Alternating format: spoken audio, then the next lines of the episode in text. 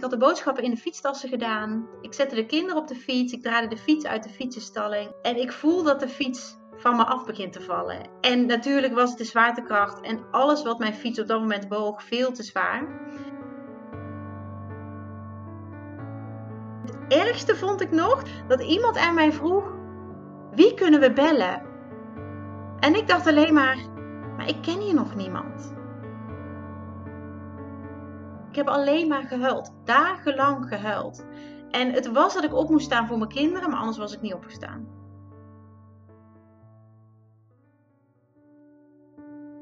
Een burn-out en nu?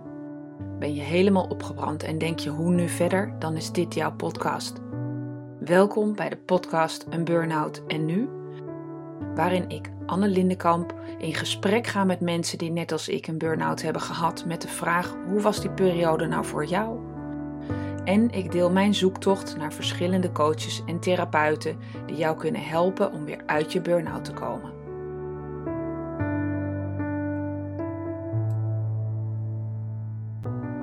Ervaring met een burn-out en nu helpt ze zelf moeders die een burn-out hebben gehad om verder te komen. De komende twee afleveringen praat ik met Bjelke Rietveld.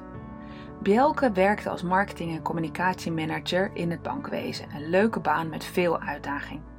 Zwanger van de tweede kwam ze erachter dat haar man een dubbel leven leidde en ze nam het besluit om alleen verder te gaan. Ze verhuisde naar Utrecht en begon opnieuw. Dat was het begin van een heftige periode als alleenstaande moeder met twee kleine kinderen. In het eerste deel van ons gesprek vertelt Bjelke open over deze moeilijke periode dat ze alleen kwam te staan. In 2019 verhuisde ze voor de liefde naar de Rente. Daar woont ze nog steeds met haar liefdevol samengestelde gezin. Het tweede deel van ons gesprek vertelt ze over het leven na haar burn-out, hoe ze liefdevol het bankwezen de rug toekeerde en vanuit passie helemaal opnieuw begon, hoe ze ertoe gekomen is en wat ze nu precies doet. Luister naar mijn gesprek met Bjelke over hulpvragen, liever niemand tot last zijn en haar gigantische wilskracht. Over wat er gebeurt als blijkt dat je toch ook maar gewone mens bent en over met lef voor jezelf durven kiezen.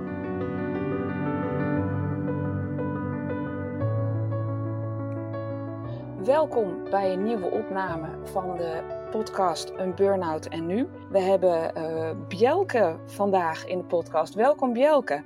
Ja, dankjewel. Hartstikke leuk. Ja, en we beginnen deze uh, podcastopname met uh, jouw eigen burn-out ervaringen. Dus uh, ervaringsdeskundige ben je. Ja. maar je helpt inmiddels ook mensen als therapeut of als coach. Dat klopt. Ja, ik doe beide kanten. En nou ja, dat is ook zo mooi dat ik dit beide bij jou kan vertellen. Ja, we beginnen gewoon met de ervaringsdeskundige. En dan wordt het tweede deel gaan we over je, je, je nieuwe leven als het ware door.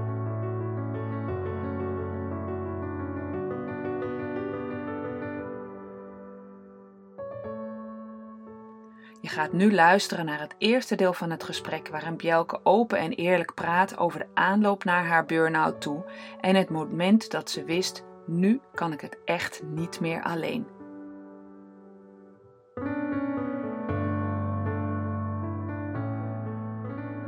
Bij mijn burn-out was er echt een hele duidelijke dag van nou, dat was echt de dag dat ik me realiseerde: nu heb ik een burn-out. Heb jij ook zo'n dag gehad?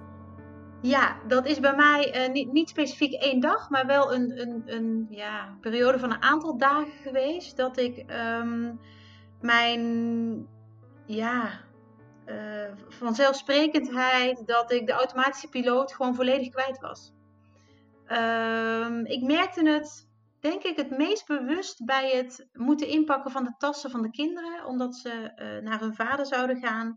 En normaal dacht ik daar niet eens over na. Wist ik precies zoveel broeken, zoveel onderbroeken enzovoort. En deze dag, deze dagen, moest ik daar heel erg over nadenken. En dat was zo ontzettend shocking voor mezelf, omdat ik dat totaal niet kende. En het feit dat dat zo liep, ja, dat was voor mij um, ja, teken genoeg eigenlijk. Maar, maar dacht je dan echt van, nou, ik ben op? Of ging je twijfelen aan hè, wat je nu vertelt, het voorbeeld van uh, uh, de kinderen gaan naar hun vader? ik kan me ook voorstellen dat je dacht, oh, maar misschien twijfel ik aan dat besluit. Of vind ik het vervelend dat kinderen, dat ik weer dat tasje sta te pakken voor die kinderen. Nee, dat was het allemaal niet. En ik weet nog heel goed, juist omdat ik normaal niet hoefde na te denken uh, wat ik in die tassen deed. En het nu gewoon niet lukte. Ik stond voor die kast en ik heb misschien wel een kwartier voor die kast gestaan. Dat ik dacht, wat moet ik meenemen? Wat moet er nou in die tas? En zoiets simpels als het inpakken van een tas, dat dat mij niet lukte. Ja, dat, dat, dat kon ik me gewoon, weet je, dat paste niet bij mij. Dat was gewoon echt Ehm, ja, te bizar. Ja, dat is zeker bizar. Ik weet wel dat ik op een gegeven moment was ik de suiker kwijt. En ik maar zoeken en mopperen. Ja, jullie zetten ook altijd de suiker ergens anders neer. Toen trok ik de koelkast open en toen had ik zelf de suiker in de koelkast gezet. Ja, dat Gewoon uit het niet nadenken. En de melk stond dus gewoon naast het koffiezetapparaat. Ja, waar de suiker stond. Je had het omgekeerd. ja, echt gewoon heel stom. Argelo gewoon niet opgelet. Geen aandacht. met name geen focus. Ja. En dat is natuurlijk wat jij ook uh, omschrijft. Ja. ja. dat heb ik volledig zo ervaren. En um, dit is ook echt het, het, het voorbeeld wat ik me het beste nog kan herinneren. Dat ik voor die kast stond en dacht, wat moet ik nu ook alweer? En, en ik heb heel lang nagedacht en ik wist het gewoon niet. Ik wist het gewoon niet. En toen heb ik het ook op dat moment maar even gelaten. Ik ben een uur later volgens mij nog, nog teruggegaan en toen lukte het wel. Maar wat je zegt, ja, gewoon geen idee meer hebben wat je aan het doen bent. Nee, verschrikkelijk. En ik kan me voorstellen, dan vertrekken de kinderen en dan heb je dus even tot jezelf. Maar ja, je wist, wist dit gaat niet goed. En, en wat heb je toen gedaan? Nou, eigenlijk was dat moment nog niet eens dus het moment dat ik, dat ik uh, dacht, ik, ik moet actie ondernemen. Uh, het was een week later dat ik uh, boodschappen was gaan doen met de kinderen. En dat waren de oudste twee. Uh, toen had ik er ook nog maar twee. Inmiddels al vier. Um, maar de oudste twee, die, die ja, konden allebei nog niet heel veel. Eentje was nog, even kijken, nog geen jaar. En de andere was, was twee. Dus die waren echt nog afhankelijk van mij. Ik ging boodschappen met ze doen in het winkelcentrum verderop. Ik was uh, nog niet heel lang uh, geleden verhuisd naar Utrecht, van Brabant naar Utrecht, omdat mijn werk in Utrecht uh, was. En ik het mezelf qua woon-werkverkeer makkelijker wilde maken. Ik had, ze, ehm, ik had de boodschappen in de fietstassen gedaan. Ik zette de kinderen op de fiets. Ik draaide de fiets uit de fietsenstalling, uit van die, ja, zo'n zo'n metalen fietsenrek. En ik voel dat de fiets van me af begint te vallen. En dat moment, nou ja, hè, eh, intuïtief grijp je naar die fiets, want je wil niet dat je kinderen op de grond uh, belanden. En natuurlijk was het de zwaartekracht en alles wat mijn fiets op dat moment boog veel te zwaar. Dus mijn schouder die werd aan alle kanten losgerukt. Um, en nog steeds denk ik dat dit het moment was. Dit moest gebeuren, want ik, ik moest fysiek gestopt worden om mezelf de tijd en de ruimte te geven die ik nodig had. En ik werd dus letterlijk fysiek onderuit gehaald, want mijn schouder nou ja, was aan alle kanten kapot. Van binnen, want aan de buitenkant zag je niet zoveel. Maar dit was voor mij het moment dat ik letterlijk tot stilstand werd gebracht. En op een of andere manier was dit nodig in mijn beleving om ook alles wat emotioneel speelde en, en het voorbeeld wat ik net noemde, dat ik niet meer wist wat ik in die tas moest doen, om dat eindelijk ruimte te geven. Ja, ik ben uh, helemaal dat ik denk, oh, en dan sta je daar met die arm en dan denk je, dit is niet goed. Dat weet je natuurlijk intuïtief direct. Ja. En dan ligt daar die fiets met die boodschappen en die brullende kinderen en al die mensen die daar om je heen. En dan sta je daar in die vreemde stad. Wat een ellende. Ja, dat was ook behoorlijk shocking. En het, het, het, ergste vond ik nog, dat op een gegeven moment iemand, nou ja, dat, dat kwestie van seconden, minuten, hè. Dat iemand aan mij vroeg, wie kunnen we bellen? En ik dacht alleen maar, maar ik ken hier nog niemand. Ik was van mijn werk verhuisd en ik was echt, nou ja, ik denk dat dit twee, drie maanden is geweest nadat ik was verhuisd. Uh, ja, drie maanden. En ik had nog niet echt een sociaal leven opgebouwd. En natuurlijk hè, was ik me draaiend aan het zoeken met de kinderen en, en, en met opvang en school. En, um, maar het was, ja, het was nog zo kort dat ik daar woonde, dat ik nog niemand had die, met wie ik zo'n goede band had die ik kon bellen. En die vraag, ja, als, ik nu in dat moment denk, dan hakt die er nog steeds in. Wie kunnen we bellen? En ik dacht alleen maar, ja, maar ik, geen idee. Geen idee. En uiteindelijk heb ik mijn broer laten bellen die in Amsterdam woonde, waar hij nog steeds woont. Ehm, en die is gekomen. Ik, hij had twee kleine kinderen ook, dus hij had kinderstoeltjes in de auto. Dus dat gaf mij dan wel een gerust gevoel. En daarna besefte ik pas dat ik met mijn arm dus niks kon. Dus het was een hele uh, ja, bizarre samenloop van omstandigheden die in een paar minuten zich voltrok. Dat ik me en heel alleen voelde en de kinderen inderdaad een, een giga aan het huilen door de val. En wonder boven wonder hebben zij fysiek niks overgehouden aan die val. Ze vielen overal tussendoor. Ze hadden zo met hun hoofdjes op iets kunnen klappen en, en dat het veel erger was geweest. Maar ik geloof heel erg dat dat ook zo moest zijn. Dat dit voor mij gewoon even het moment was dat ik tot stilstand moest worden gebracht. En dat niemand verder daaronder hoefde te lijden. Nou ja, en, en tot stilstand werd je gebracht. Je schouder uh, van alles van binnen scheurt, dat is uitermate pijnlijk. Ja, ja, en op dat moment voelde ik dat niet, want de adrenaline was zo gigantisch. En, en, en hè, ik was met name gefocust op de kinderen, want die moesten niks hebben en die moesten. En de jongste die huilde alleen maar. En die, uh, die hoefde ook geen ijsje, want echt die omstanders zo lief kwamen met van alles en nog wat aan. En het enige wat zij wilde was bij mama zijn en door mama gedragen worden, maar mama kon het niet. En gelukkig is ze toen wel goed met mijn broer meegegaan. Uh, kwam mijn zusje uiteindelijk uh, vanuit Den Bosch ook daar naartoe. Die hebben de kinderen, zij heeft de kinderen opgevangen en mijn broer is met mij naar het ziekenhuis gegaan. Ja, en eigenlijk zit je dan zo in nog een, een, een, ja, ik weet niet eens hoe ik het moet noemen, in een soort waas. Dat je denkt, wat is er gebeurd? En toen concludeerde de arts, ja, je schouder is goed, goed kapot, maar laat eerst de zwelling maar even wegtrekken. En in het ziekenhuis besefte ik pas, of zag ik in de spiegel, dat mijn gezicht ook helemaal blauw was. Dus ergens heb ik ook nog wel die fiets nou ja, in mijn gezicht gekregen. Um, een kwestie van seconden, maar ja, een mega uh, effect, mega impact. Ja, enorm. En de, en de dagen daarna, bedoel, met een schouder, het is niet dat je even luier gaat verschonen. Nee, dat was behoorlijk uh, afzien. En uh, mijn zusje is wel een aantal dagen nog gebleven, omdat het gewoon niet anders kon. En ja, ik moet je eerlijk zeggen, het is, dat is eind 2013 geweest, dus al een hele tijd geleden. Maar ik voelde me wel ontzettend ja, alleen en heel zielig ook. Omdat ik, ik was gewoon fysiek letterlijk onthand. Want het was ook nog mijn rechterarm. En ik ben volledig rechts. Het is niet dat links niks kan, maar als ik, de, hè, als, als ik een voorkeur mag uitspreken, is het volledig rechts. En toen moest ik dus wel met links. En ja, um, op mijn werk, daar kon ik ook, dat kon ik ook niet meer. Want ik deed met name computerwerk. Ja, met één arm is dat ook niet, uh, niet te doen. Dus ik heb toen een tijdje thuis gezeten. En dat was echt, uh, um, ja, één week, anderhalve week denk ik. Want toen, toen vond ik allemaal wel weer dat dat moest kunnen. Uh, ben ik ook naar de, naar de orthopeed geweest. En nou ja, goed, scan gehad conclusie was dat er behoorlijk wat kapot was, maar ik zag het gewoon niet zitten om geopereerd te worden. Want dan ben je er sowieso zes weken uit, minimaal. En ik kon niet zes weken zonder mijn arm. Als alleenstaande moeder met twee kleine kinderen. En ik wilde snel weer aan het werk. En daar bleek dat het helemaal niet kon. Weet je, het was. Ik had zo ontzettend veel meegemaakt in, in die anderhalf jaar daarvoor. Um, Weet je, dat is natuurlijk allemaal de aanleiding geweest waarom ik überhaupt een burn-out heb gehad. Ja, dat, ik, ik moest letterlijk pas op de plaats maken. Ja, dat hoor je veel, hè? Dat uit een combinatie van factoren is.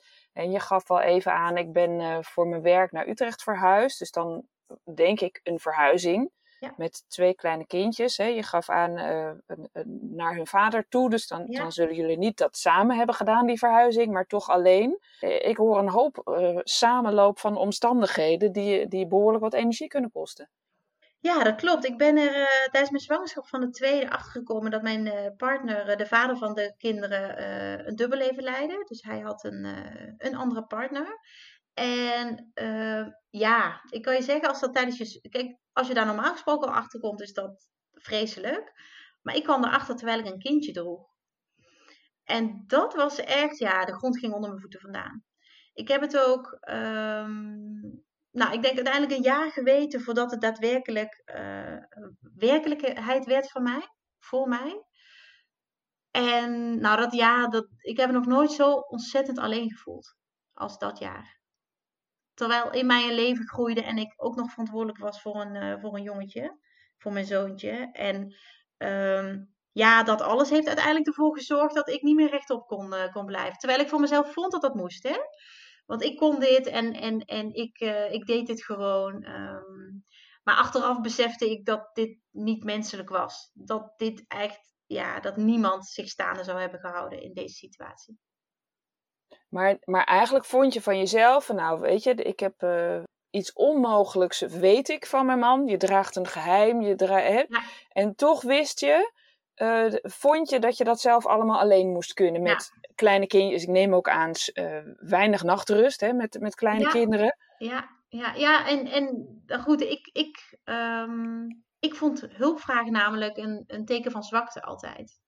Want ik kon het allemaal zelf wel. Um, niemand hoefde mij te helpen. Ik. Uh... Nee joh, weet je, ik, ik was liever niemand tot last. Zo, zo heb ik dat altijd gezien. En dat denk ik nu heel anders over. Gelukkig. Maar ja, dat was wel. Uh, en, en, en dat heeft mij uiteindelijk ook ja, wel op de been gehouden tot dat moment. Dus mijn wilskracht was gigantisch.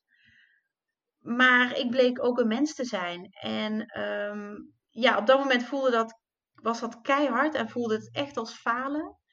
Maar dit moest gebeuren. Dit moest gebeuren. En het, het, het bizarre is dat, ja, die, uh, uh, die be bewuste dag dat ik met de fiets uh, nou ja, dat ongeluk had van mijn schouder, dat, ja, dat zie ik nu eigenlijk als een cadeautje. Terwijl dat toen natuurlijk verschrikkelijk was. Nou, dat vind ik wel heel bijzonder dat je zo'n nare ervaring als een cadeautje kan zien. Ja. En ik hoor, hoor heel erg, um, als ik naar mezelf en mijn eigen burn-out kijk, dan was dat gewoon heel erg um, mijn perfectionisme. Ik wil graag dingen goed doen. Um, ik wil goed er een goede collega zijn, een goede vrouw, uh, hè, een goede moeder voor mijn kinderen. Um, en andere onderdelen van perfectionisme zijn uh, nooit opgeven, altijd maar doorgaan. Maakt niet uit hoe je je voelt, ja. uh, want het moet af of je moet er staan voor je kinderen. Opgeven is voor losers. En ja. dat hoor ik jij, jou eigenlijk ook allemaal zeggen. Ja, ik herken me daar volledig in. Ik herken me daar volledig in. En weet je, dat brengt je ontzettend ver. Maar het brengt je vaak ook heel ver van jezelf vandaan. En nou ja, daar was ik op dat moment heel hard, hard uh, mee bezig. Ja. Ja, en, en weet je, los van wat, wat mijn ex-partner uh, uh, heeft gedaan en wat dat voor consequenties had. Nou ja, heeft zijn, um, de keuze die hij gemaakt heeft daarin en het besluit wat ik genomen heb om vervolgens bij hem weg te gaan. Ja, dat, dat heeft mijn leven gigantisch op zijn kop gezet maar ook wel ten goede veranderd. Want uiteindelijk ben ik wel gaan inzien, um, nou ja, dat er de winkel was. Met mezelf vooral. En dat ik uh, meer naar mijn gevoel mocht luisteren. Want bijvoorbeeld, hè, ik wist al heel lang gevoelsmatig dat er een ander was bij hem. En dat heb ik nooit durven geloven. Want hij vertelde altijd andere dingen. En ik dacht, nee, maar dat kan toch niet? We hebben zo meteen twee kinderen. We werken toch aan een toekomst.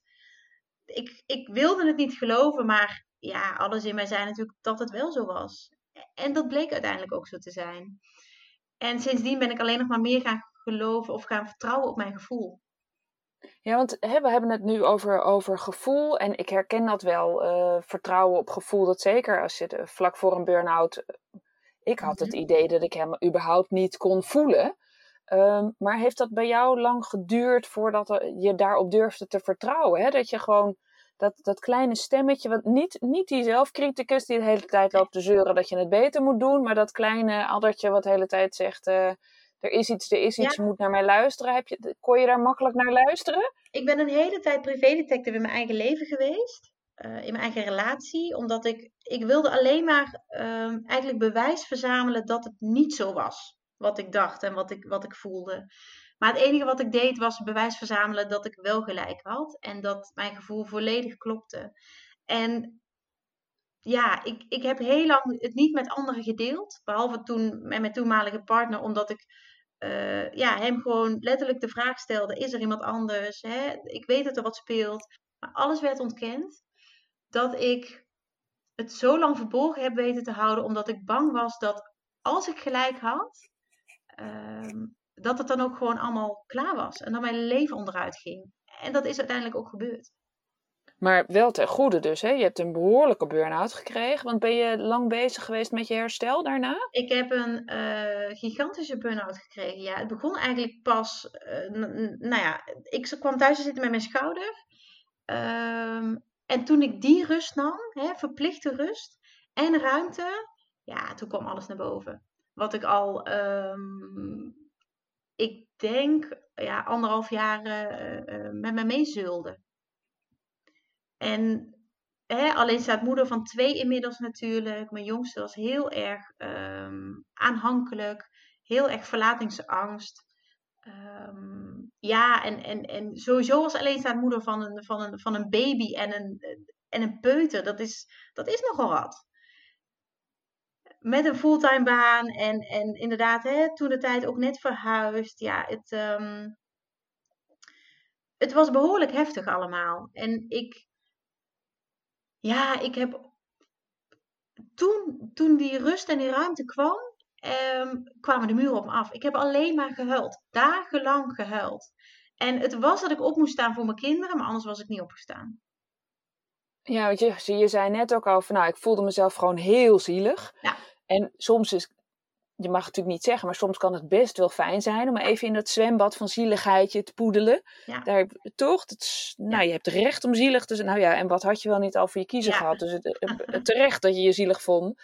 Maar er komt op een gegeven moment een moment dat je denkt, nou, het is wel klaar met die zieligheid, want hier kom ik ook niet verder mee. Nee, nee het klopt. Het is, uh, mijn privéleven was met name natuurlijk de aanleiding voor, uh, voor mijn burn-out. Uh, werk had daar weinig mee van doen. Uh, maar wel het perfectionisme natuurlijk, wat ik ook op mijn werk liet zien.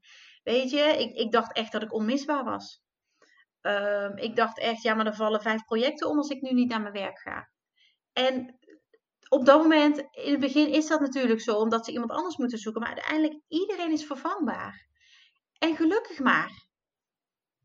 Weet je, had je ook, uh, had, je, dat je had je ook het gevoel dat je je collega's in de steek liet? Want ik vond mijn werk Volledig. werk, werk, dat ik dacht, nou, dat zal wel.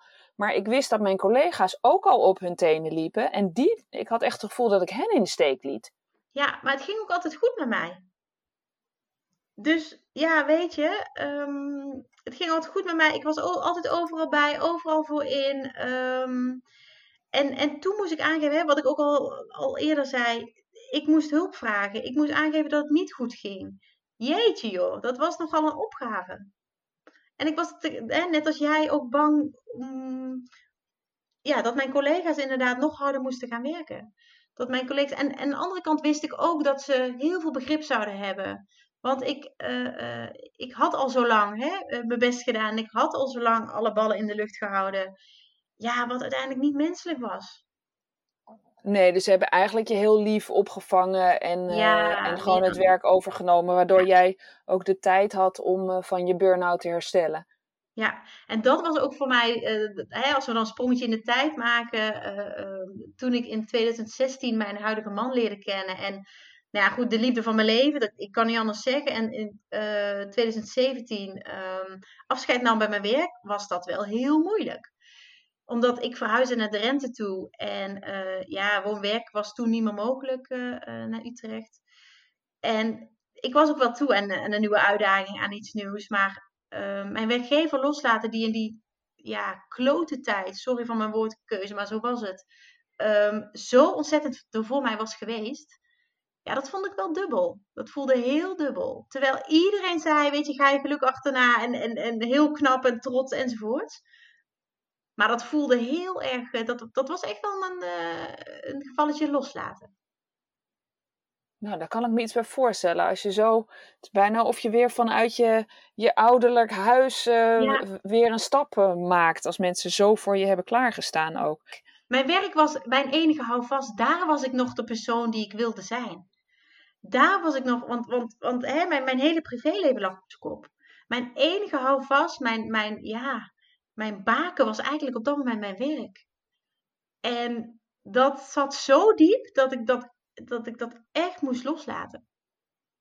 Ja, ik zit net inderdaad te denken, want je, je baken je werk, bij mij was het ook een soort van mijn identiteit voor mezelf. Dat ik dan niet partner en moeder was, maar die ging gewoon, hè, na, mijn, na mijn studeren en afstuderen, ging dat gewoon door. En dat was gewoon Anne. Ja. En, um, en dat hoorde bij mij. Ja, daar was ik Bjelke. En daar was ik inderdaad niet mama. Daar was ik gewoon Bjelke. En de rest van de tijd was ik mama en dat was helemaal oké. Maar ik had verdorie nog wel wat meer in mijn mars dan alleen maar mama zijn. Ja, dat. En ook de, ehm, precies nu wat je zegt, ik had verdorie wel weer in mijn mars. Ik voelde toen niet als, als dat ik dat moest laten zien. Maar ik moest voor mezelf wel heel. Uh, ik deed het daar wel heel goed op. Mm, ja. Dat je ook jezelf bent en dat je meer hebt dan alleen maar dat. En dat je bij bent. Nou ja, gewoon dat je um, bijdraagt aan de maatschappij. Helemaal waar, helemaal waar. En weet je, ik vind persoonlijke ontwikkeling vond ik toen belangrijk en vind ik nu nog steeds belangrijk. En dat ben ik ook blijven doen. Dus ja, weet je, het, is. Um, uh, kijk, die burn-out heeft heel veel. Um, nou ja, het, toen natuurlijk teweeg gebracht, maar ook uiteindelijk veel gebracht uiteindelijk. En daar ben ik zo ongelooflijk dankbaar voor. Ja, dat, dat is toch echt zo fijn, hè? Want het gaat nu natuurlijk hartstikke goed met je. Ja, dat klopt. Um, en um, je, je voelt je nu ook weer helemaal jezelf? Ben je, ben je weer helemaal de oude? Ik ben, uh, ja, ik ben nog veel meer dan de oude, denk ik. Ja, dat mag ik wel zeggen. Ik ben dichter bij mezelf dan ooit. En ik ben ook gelukkiger dan ooit. Oh, dat is wel echt heerlijk. Hey, en het uh, dichter bij jezelf dan ooit, dat is dus ook wat er veranderd is sinds, uh, sinds je die burn-out hebt gehad. Daar had je die burn-out als het ware voor nodig. Ja, die burn-out heeft mij ontzettend de ogen geopend. Niet alleen maar voor, hey, wat is nou echt belangrijk, maar uh, weet je, waar word ik nou gelukkig van? Um, ik was, en ik denk dat heel veel uh, mensen die een burn-out krijgen, uh, een beetje dat profiel hebben. Uh, de verzorger, um, altijd zich om anderen bekommeren, altijd met anderen bezig zijn. Hè, vanuit een heel liefdevol hart. En daarbij jezelf gewoon volledig vergeten. Dat deed ik als, als vrouw, maar ook als moeder. En ja, inmiddels sta ik daar echt anders in. Ik herken wel dat ik ook heel erg uh, goed was voor anderen. Hè, want die collega die had het zo zwaar. En dan moest ik toch wel iets harder lopen. Want dan kon zij nou ja, daarmee zijn. Ja. En uh, hè, dat, dat, was dan fijn als ik voor haar dat deed. En achteraf dacht ik, ja, maar ik had voor mezelf ook wel harder mogen lopen. Ja, juist. Nou, en dat deed ik wel door meer uren te draaien. Maar dat was, was niet per se om efficiënt aan mijn werk te gaan. Nee. Ja, ik weet met name nog één moment dat ik Um, ja, misschien wel goed om als voorbeeld te noemen. Ik zat net thuis met die schouder en ja, de muren kwamen op me af. En, en ik begon eigenlijk een beetje toe te komen aan de verwerking van alles wat er was gebeurd. Ik huilde aan één stuk en ik weet nog heel goed dat mijn vader mij belde. En die zei, um, ik kom morgen bij je langs. En ik dacht alleen maar, maar dat wil ik helemaal niet. En of het nou mijn vader was of iemand anders, ik had geen behoefte aan bezoek. En de oude Bjelke had gezegd: prima, kom maar langs. En had zich anderhalve dag uh, uh, nou ja, rot gevoeld omdat ze daar helemaal geen zin in had. Maar ik zei: dat vind ik heel erg lief. Maar ik wil liever even alleen zijn. En die zin was zo'n overwinning voor mezelf. En mijn vader zei: Oké, prima. Het gaat er ook om wat jij wil. En toen dacht ik echt: Jeetje, ben je nou niet boos? Ben je nou niet teleurgesteld in me? Vind je me nou niet stom? Enzovoort, enzovoort. Want dat waren alle beperkte overtuigingen die ik, van, die ik zelf had. Maar dat was helemaal niet zo. Dus hij was, eigenlijk blij dat je zo eerlijk was. Precies. En ik ben, ik ben toen zo trots op mezelf geweest. Ik zie me nog zitten. En dat zijn van die momenten die je nooit meer vergeet. Ik zie me nog zitten dat ik denk: oh, wat ben ik dankbaar dat ik dit gewoon heb durven zeggen. En die dag daarna heb ik alleen maar geslapen. En dat had niet gekund als mijn vader er was. Want dan had ik me weer opgepept. Dan had ik weer gedaan alsof het eh, wel meeviel. Dan had ik weer gedaan. Was ik weer over mezelf heen gegaan. Over mijn grenzen heen. En vanaf dat moment ben ik steeds meer mijn grenzen gaan aangeven. En gewoon ook gaan aftasten van, hé, hey, weet je, hoe ver kan ik gaan? Niet in de zin van vervelend voor anderen, maar ja, wat vind ik zelf eigenlijk prettig en hoe reageren anderen daarop? En toen ben ik erachter gekomen dat voor anderen het vaak helemaal niet uitmaakt. Maar als jij maar voor jezelf kiest. Als jij maar aangeeft waar jij blij van wordt, waar jij behoefte aan hebt. Ja, dat is het. Hè? Het maakt anderen helemaal niet uit. Wat anderen vervelend vinden, is als ze wachten, moeten afwachten wat die ander wil. Terwijl als je zelf heel duidelijk bent in, nou schat, ik vind het heerlijk als je langskomt een andere keer, dan vindt iedereen het helemaal prima. Juist. Maar het is ook vaak zo dat, weet je, mensen voelen het wel als jij ja zegt en nee bedoelt. En dan krijg je een hele kromme situatie, een hele vervelende sessie, setting, uh, hoe je het ook noemt. Weet je, dan zit je daar niet op je gemak en dan weet je niet hoe snel de tijd moet gaan. En mensen voelen dat. Dus dat was wel een eye-opener voor mij en dat ben ik sindsdien veel meer gaan doen, veel vaker gaan doen. En ik, uh, ik zocht mensen op als ik daar behoefte aan had en als, het me echt, hè, als ik mijn verhaal kwijt moest. Maar ik deed ook de deur even tijdelijk dicht als ik daar gewoon uh, zin in had. Als ik daar blij van werd of als ik dat gewoon voelde. Ja, en is, is dat ook iets wat je mensen wil meegeven na die burn-out? Is dat een inzicht wat jij van, van je burn-out hebt gekregen? Zeker, zeker. Want um, hè, wat, wat ik net al aange aangaf, de mensen die zo zijn, uh, uh, zoals ik, hè, die altijd voor anderen er zijn, altijd voor anderen klaarstaan ten koste van zichzelf, die zichzelf wegcijferen, voor hen is dit heel erg moeilijk. Om juist te zeggen, joh, hartstikke lief, maar nu even niet. En wat jij dan ook doet hè, in die tijd, of het dan een film kijken is, of huilen, of juist iets leuks doen, of... dat maakt niet uit. Het gaat erom, waar word jij op dat moment blij van? Maar dat is zo ongelooflijk moeilijk. Nou, dat is zeker moeilijk, want ik zou dan denken, hè, stel we houden dat voorbeeld van jouw vader, mhm. ehm, stel hij was wel gekomen. Mhm. Dan had je je naar gevoeld, dus je hebt afgezegd, daar ben je heel tevreden over. Maar dan ben je dus goed op dat moment. Je hebt afgezegd, maar je bent goed. Ja. En dan zou ik dus gedacht kunnen hebben in die situatie, het had eigenlijk wel gekund. Want ja, ik ben goed. En ja, nu zit ik gewoon recht op tv te kijken. En lig ik helemaal niet. Dus hè, jij gaf dan aan dat je lag te slapen. Maar stel je was goed geweest. Mhm. Dan zou ik me daar weer schuldig over hebben gevoeld. Ehm, aan het begin van mijn burn-out. En niet aan het einde natuurlijk. Tuurlijk heb ik ook dat soort momenten gehad. Maar ik kon ook wel redelijk... En dat had ook te maken met de coaching die ik kreeg.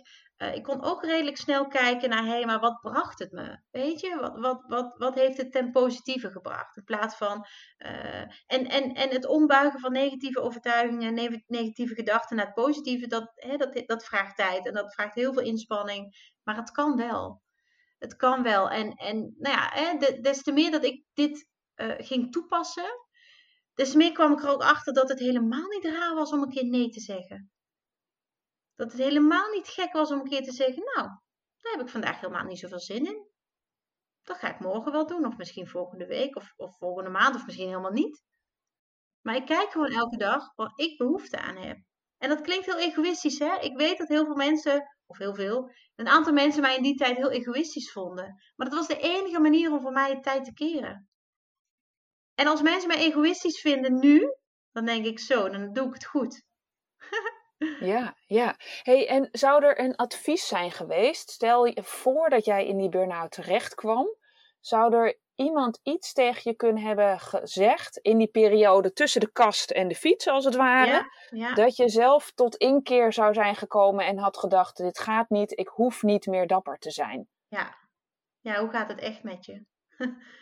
ik denk dat als iemand dat had gevraagd, hè, die dicht bij me stond. Ehm, of die gewoon met mij was gaan zitten. En natuurlijk, ik hield zelf ook die, ja, die schijn op. Hè? Dus weinig mensen hebben dat in die tijd gemerkt. Maar als je echt met mij de diepte in was gegaan, dan, dan was ik gebroken. Ja, denk, als ik denk aan mezelf terug hè, in die periode voor die burn-out. Je moet je voorstellen, ik had een, uh, wij hadden net ons droomhuis gekocht. Er was 70 jaar niks gebeurd. Dus er moest enorm verbouwd worden. Mhm. En we moesten uh, ja, uh, verhuizen natuurlijk naar dat huis. Dus een huis waar we 20 jaar hadden gewoond en de kinderen waren geboren. Die moest, dat worden ingepakt en afscheid van genomen. Um, ik had een, een nieuwe baan. en ik moest ook nog twee keer naar China. In die, in die oh maand voordat ik ging. Dus het was gewoon een beetje veel. En als je voor mij had gevraagd op dat moment uh, een dierbaar vriendinnetje had gezegd van, goh Anna, ik zie dat het echt wel even veel is. Hoe gaat het nou met je? Had ik gezegd, ja, ja, het is inderdaad een beetje veel. Nou, volgende maand is het allemaal voorbij. En dan, uh, nu moet ik dit en moet ik dat. En dan was ik doorgestoomd. Ik denk dat ik die emotie niet zou hebben toegelaten. Ja, ik, ik, ik zat denk ik op het randje. Ik zat op het randje en, en ehm, ja, ik vind het eigenlijk wel een hele goede vraag. Maar ik denk echt dat ik dan gebroken was. Gewoon omdat ik het niet meer. Ik, ik, ik hield het gewoon niet meer vol. Ik was gewoon echt. ehm, eh, ja, een beetje ten einde raad. Zonder dat ik daar eh, vanuit mezelf woorden aan, gaf. Ik was heel erg zoekende, denk ik, naar hoe, hoe hou ik dit vol. En, en dat was natuurlijk hè, met name richting mijn eigen overtuiging. Hulpvragen is zwak. Ehm, dan had het wel van een ander moeten komen. En niet zozeer vanuit mezelf.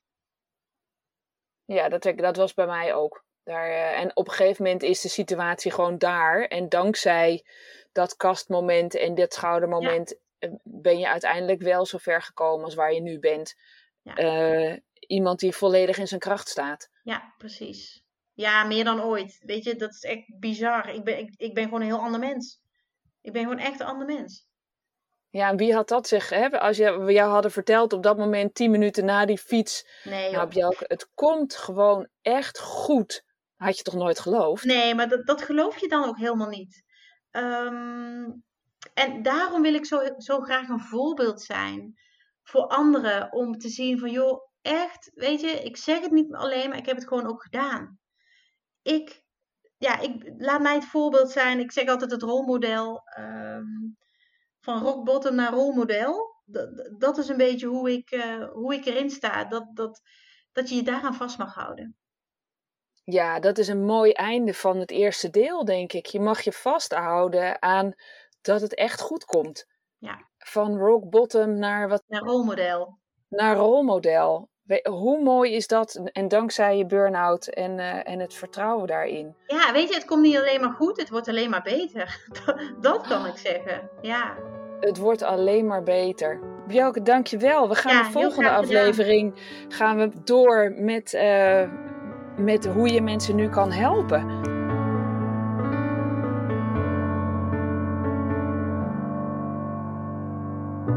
Dit is alweer het einde van de podcast Een Burnout en Nu.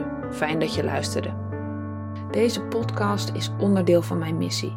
Ik help graag zoveel mogelijk mensen bij het zetten van die eerste stap van herstel als je helemaal bent opgebrand. Wil jij ervaren hoe ik jou kan helpen? Maak dan een afspraak op de website eenburnoutennu.nl. Daar kan je ook mijn gratis e-book downloaden met 11 tips voor meer energie. Weet jij een bijzonder persoon of een bijzondere therapie die anderen zou kunnen helpen bij hun herstel? Laat het me weten. Je kan me vinden op Facebook of Insta onder Anne Lindenkamp en stuur me dan direct een DM of ga even naar de website eenburnoutennu.nl slash contact. Hoor je nou graag meer van deze inspirerende gesprekken? Abonneer je dan even, dan hoef je niets te missen. Tot de volgende aflevering.